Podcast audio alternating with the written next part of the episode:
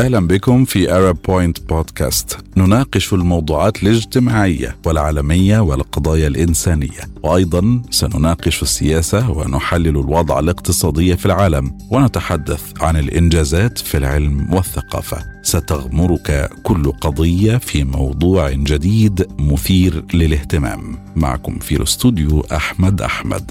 وفي هذه الحلقة. علماء يخشون من انقراض الأنواع قبل حتى معرفتها في غابة الأمازون. ونيكولاي سيميونوف الفيزيائي والكيميائي الروسي الحائز جائزة نوبل في الكيمياء عام 1956 عن أبحاثه حول آليات التفاعلات الكيميائية.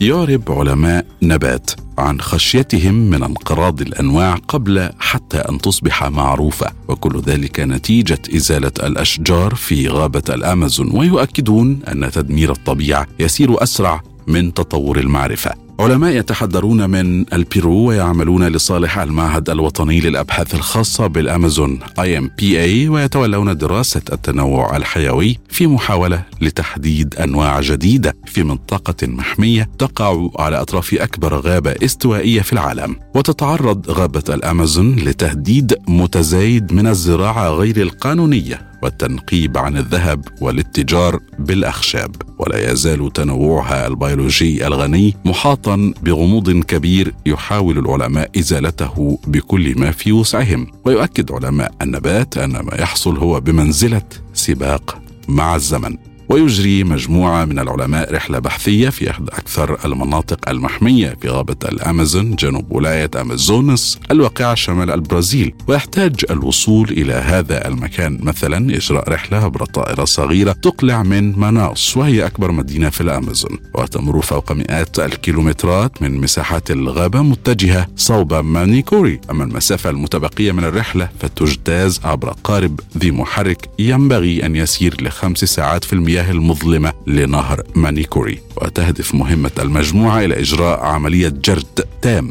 للحيوانات والنباتات الموجودة في المكان ثم تصنيف الموقع كمنطقة للتنمية المستدامة وهو نوع من المحميات الطبيعية التي تلقى حماية السلطات. وعلى مدى أسابيع عدة تولى علماء نبات وعلماء أحياء متخصصون في الثدييات والطيور والزواحف والأسماك والبرمائيات استكشاف الغابة لأخذ عينات من النباتات أو تثبيت كاميرات وتركيب أجهزة تنصت بهدف دراسة سلوك الحيوانات. ويقول باحثون في المعهد الوطني للأبحاث الخاصة بالأمازون أن معظم أنواع النباتات في الأمازون لا تنمو إلا في مناطق معينة ولا نعرف سوى 60% فقط من أنواع الأشجار. إذا عندما تقطع الأشجار من أي منطقة في الغابة يتم القضاء على جزء من التنوع البيولوجي ما يمنع من اكتشاف أنواع جديدة إلى الأبد وبلا رجعة. وتشير دراسة أجراها تجمع MapBiomas إلى أن غابة الأمازون أزيل منها 74 مليون هكتار من الغطاء النباتي الأساسي بين عامي 1985 و 2020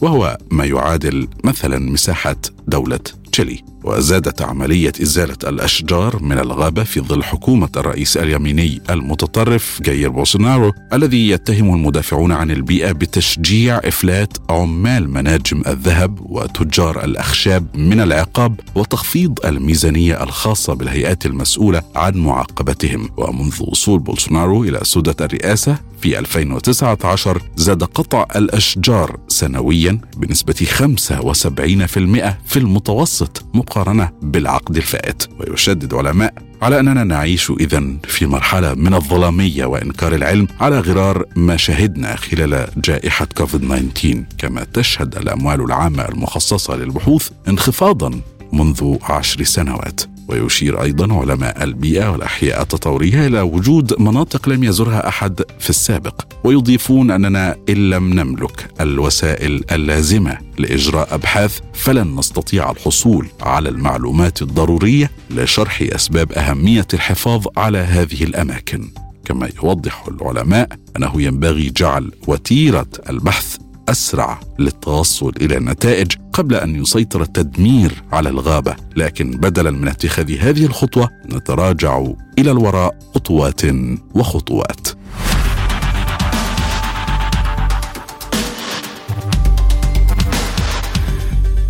ولد سيميونوف في الخامس عشر من أبريل نيسان عام 1896 وتخرج في قسم الفيزياء من جامعة بيترسبرغ وتحصل منها على الدكتوراه عام 1917 في عام 1920 التحق بمختبر دراسات الظواهر الإلكترونية في معهد العلوم المتعددة بسان بيترسبرغ الذي ترأسه فيما بعد. قام فيه بتأسيس معهد الفيزياء والكيمياء وأصبح أستاذا عام 1928 في سنة 1931 أصبح مدير معهد الكيمياء والفيزياء لأكاديمية العلوم كما أصبح في نفس الوقت بروفيسورا في جامعة موسكو. خلال ذلك الوقت اكتشف طريقة لقياس المجال المغناطيسي لنواة الذرة. عام 1922 تحديدا في وقت لاحق تم تحسين هذا الإعداد التجريبي. بعدها بنحو ثلاث سنوات سيميونوف درس حركية التكثيف والامتصاص للأبخرة. عام 1927 درس التأين في الغازات ونشر كتابا مهما بعنوان كيمياء الإلكترون. يتضمن عمل سيميونوف المتميز حول آلية التحول الكيميائي تحليلا شاملا لتطبيق نظرية السلسلة على التفاعلات المتنوعة والأهم من ذلك على عمليات الاحتراق. اقترح نظرية التفرع المتدهور ما أدى إلى فهم أفضل للظواهر المرتبطة بفترات استقراء عمليات الأكسدة.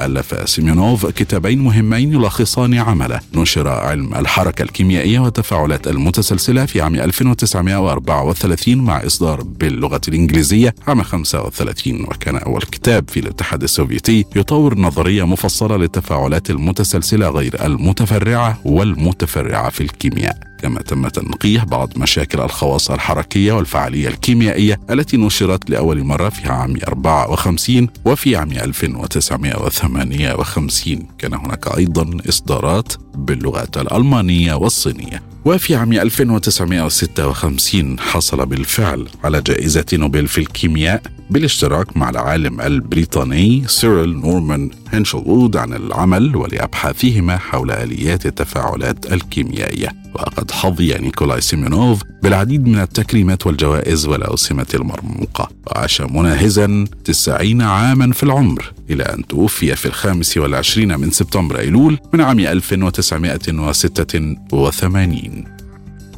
إلى هنا نكون قد وصلنا وإياكم إلى الخاتمة. كان معكم Point Podcast اشترك سجل إعجابك واضغط like واكتب تعليقك.